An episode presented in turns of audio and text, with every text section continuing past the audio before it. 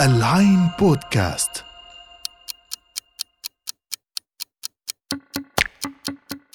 الساعة 25 الساعة اللي بتيجي بعد ما نقرأ نص أو نشوف فيلم. ونلف مع شخصيات خيالية برا الزمان والمكان. أنا سلمى أنور وحنتقابل أسبوعياً بالساعة ال 25 لأن الملل شعور قديم وضارب بجذوره في التاريخ الإنساني ولأن الاحتياج للاشتباك الذهني أصيل عند بني البشر زي ما بتوثق لنا روايات وقصائد تاريخية. فاختراع الألعاب ووسائل ملء الوقت بدوره شيء قديم. تشكيل التماثيل والدمى ولعب المسرح والتحطيب والأراجوز وخيال الظل كلها كلها ألعاب قديمة. عمرها قرون. رحلة طويلة خاضها الإنسان عبر العصور. حاول خلالها يهدهد عقله اللي مش عايز يهدى ويسكن. ومع نفسه القلقة اللي بتدور طول الوقت على المدهش أو الطريف. من أول الكرات الحجرية اللي اكتشفها العلماء في قلب جزر المتوسط مرورا بالشطرنج اللي نشأ في الشرق الأقصى ثم في مرحلة لاحقة المسارح الشعبية والدمى المتحركة وانتهاء بأفلام الأنيميشن والألعاب الإلكترونية.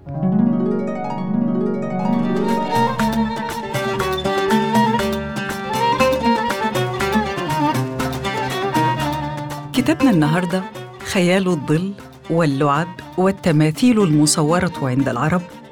هياخدنا في جولة في المساحة دي.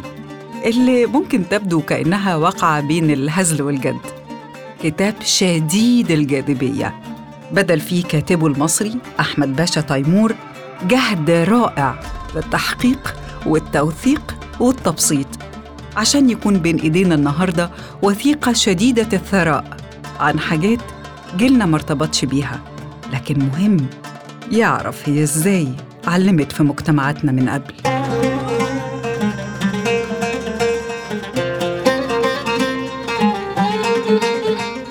نبتدي زي ما الكتاب بيبتدي من خيال الظل وهي اللعبة اللي نعرف إن أصولها هندية قديمة وإنها ازدهرت جدا في مصر زمن الفاطميين فكانت ملاهي القصور الفاطمية. اللعب بالخيال كان عرض بيقوم على مربع خشب أضلاعه مكسوة بالخيش ومشدود عليه بإحكام ساتر أبيض وده اللي بتظهر عليه شخوص العرض. في الأمسيات الرايقة وفي الأعراس والمواسم يمسي الليل ويدخل المخايل أو محرك الدمى ورا الستار الأبيض ومعاه عصيان دقيقة يحرك بها شخصيات المسرحية على الستار. ويبتدي بقى ينوع في طبقات صوته بحسب ما بتتطلب الشخوص. على فكرة صناعة الشخوص نفسها كانت وما زالت فن شديد الدقة. بيتطلب رسم تفصيلي وتلوين دقيق يتناسب مع حجم العرايس وأبعاد ستارة العرض. ومع خامة الشخوص اللي كانت عادة بتبقى مصنوعة من جلود الماشية. تاريخياً عرض خيال الظل كان بيبتدي بالاستفتاح اللي بيظهر فيه شخص اسمه المقدم. وده كان بيكون دوره تحية الحاضرين بعد ما يقدم وصلة من الإنشاد النبوي والمديح. وبعدين يبدأ العرض ويبدأ اللعب بالخيال. في زمن ما كانش فيه كتير بيقدروا يصنعوا الخيال.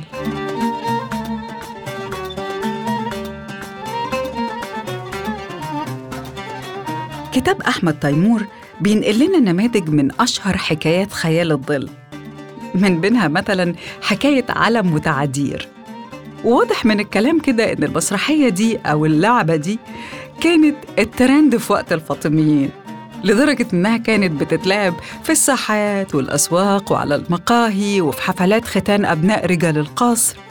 وفي الأعراس الطويلة كانت بتتلعب على السابع ليالي كاملة وكانت بتبقى مطعمة بالأسجال والشعر والإنشاد.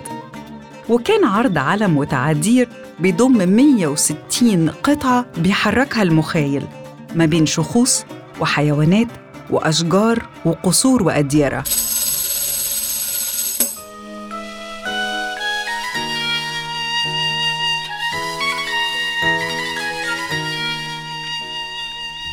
الحكاية بتدور حوالين علم اللي هي بنت شامية جميلة سحرت بجمالها التاجر البغدادي تعادير. وتروح أحداث وتيجي أحداث محورها الصعوبات اللي واجهت حب تعادير لعلم ومنها تمنع الشامية الحسناء لدرجة كادت أن تطير بعقل التاجر.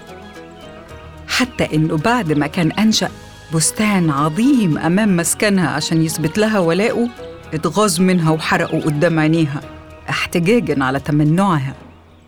واترمى بعدها تعدير المسكين في البيمارستان اللي هو مستشفى الأمراض العقلية. لحد ما جابوله حكيم عراقي كبير قدر يعالجه. وخرج تعادير ورجع يغازل العلم وحنت علم فكرس التاجر العاشق كل ثروته لإسعاد محبوبته وأنشأ قصر منيف لسكناها. وتوتة توتة هنا بتخلص الحدوتة.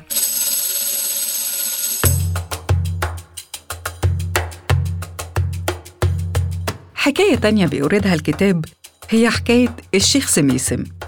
والشيخ سميسم في الحكاية هو شيخ من أصحاب الطريق والخطوة. وكان متعود ينصب خيمته كل سنة في أرض بعينها يقصدوا فيها المريدين والمحبين. وهنا بتظهر شخصية جازية حرير اللي بتشتري الأرض وبتمنع شيخ سميسم من إنه ينصب خيمته. وبيفضل الشيخ صاحب السطوة يسترضيها ويحايل فيها. ودي أبداً. يا ستي يهديكي يا ستي يرضيكي. أبداً. وبينتهي التفاوض بين شيخ سميسم وجازية حرير بإنها تشترط عليه يتجوزها عشان تسمح له يستخدم الأرض. بعد ما بتقوله إنها أرملة. وبيرفض شيخ سميسم لأن جازية حرير بصراحة مش عاجباه ولا على هواه. بس في الآخر بيرضى عشان الأرض وأمره لله. وفجأة وفي بلوت تويست غير متوقعة للجمهور بيظهر جوز جازية حرير اللي المفروض إنها أرملته. ويظهر بقى شيخ الحارة وجند السلطان والقاضي ويخلص الولي من جازية حرير بأعجوبة ويسقف الحضور.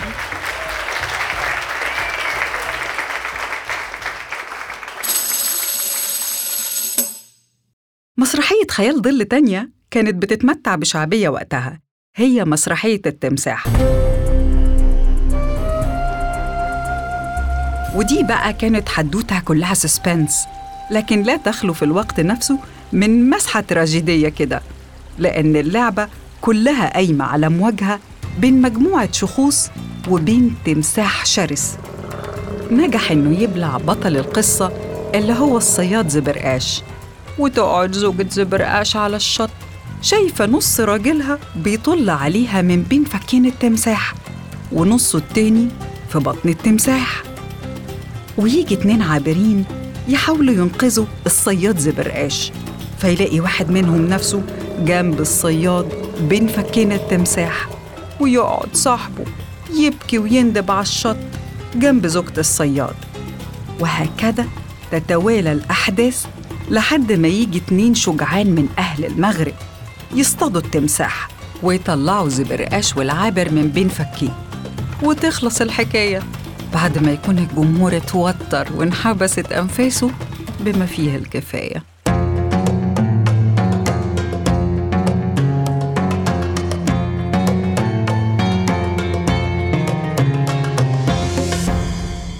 حكايات تانية كتير بيوردها الكتاب. بعضها قد يكون غير لائق للسرد وبعضها غير ملائم لأنه محمل بمضامين لا تخلو من عنصرية. ربما كانت تتناسب مع الثقافة الشعبية السيدة في الوقت ده واللي كانت بتعلي بعض الأجناس أو الأعراق على بعضها الآخر. بس من أكتر الحاجات اللي استوقفتني في الكتاب مواقف الحكام من لعبة خيال الظل. واللي بتقول إن اللعبة كانت مثيرة للجدل في وقتها.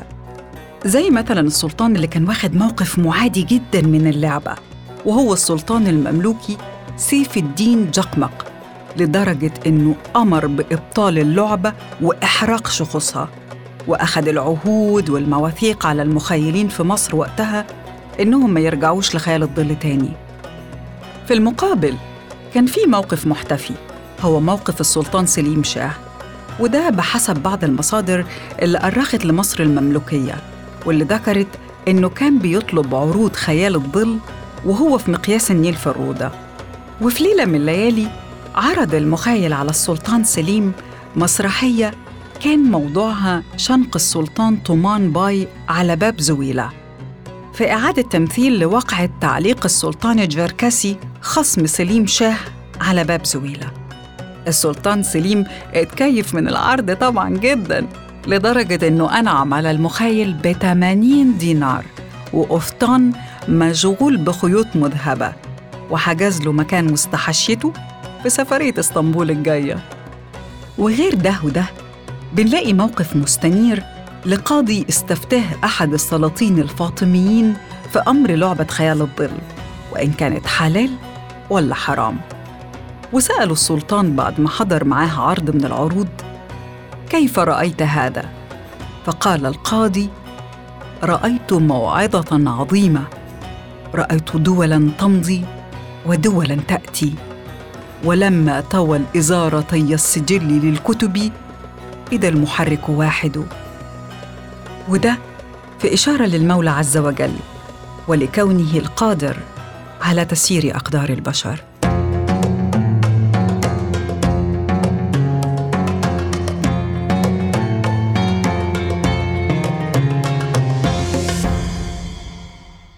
في الجزء التالي من الكتاب بيتوقف أحمد باشا تيمور مع فن النحت وصناعة التماثيل والدمى في المنطقة العربية والأندلس وبيورد نماذج لأكثر التماثيل إبهاراً في سجلات المؤرخين سواء في قصور الملوك أو في دواوين الحكم. زي مثلاً قصر غمدان التاريخي في اليمن واللي بتقول الوثائق إنه كان في أعلاه مجلس مبني بالرخام الملون. وفي كل ركن من أركانه كان في تمثال أسد ضخم من النحاس وكانت التماثيل موزعة بحيث إن الريح تعدي من ظهورها وتخرج من بين أنيابها فيبدو للسامع وكأن الأسود تزأر طوال الوقت. ومن أطرف التماثيل اللي بيتكلم عنها الكتاب التمثال اللي عمله صانع كيزان في بغداد. واللي مثل بيه أمير مدينة ماردين وقتها. أصل الأمير كان وزنه زائد للغاية ورأسه كان صغير الحجم جداً. أم صنع الكيزان لما شاف الأمير بيلف على بغلته في زيارته لبغداد ضحك وقرر يتنمر عليه عملياً. فعمل كوز من الفخار على شاكلة الأمير ببطن عظيم ورأس صغير وسمى الكوز باسم الأمير. ناهيك بقى طبعا عن حمالات الأزيار المزدانة بتماثيل لوحوش خرافية والساعات النحاسية اللي فيها تماثيل بتدق على رأس كل ساعة غير بقى تماثيل الجواري المثبتة على عتبات متحركة في مداخل القصور. عشان يتحركوا ويتميلوا أول ما السلطان يدخل القاعة حاجة يعني آخر شقاوة. كل دي حاجات عملوها الناس بدأب وشغف على مدار قرون طويلة خالصة لوجه التسلية والإمتاع ومقاومة الشعور بالخواء والملل.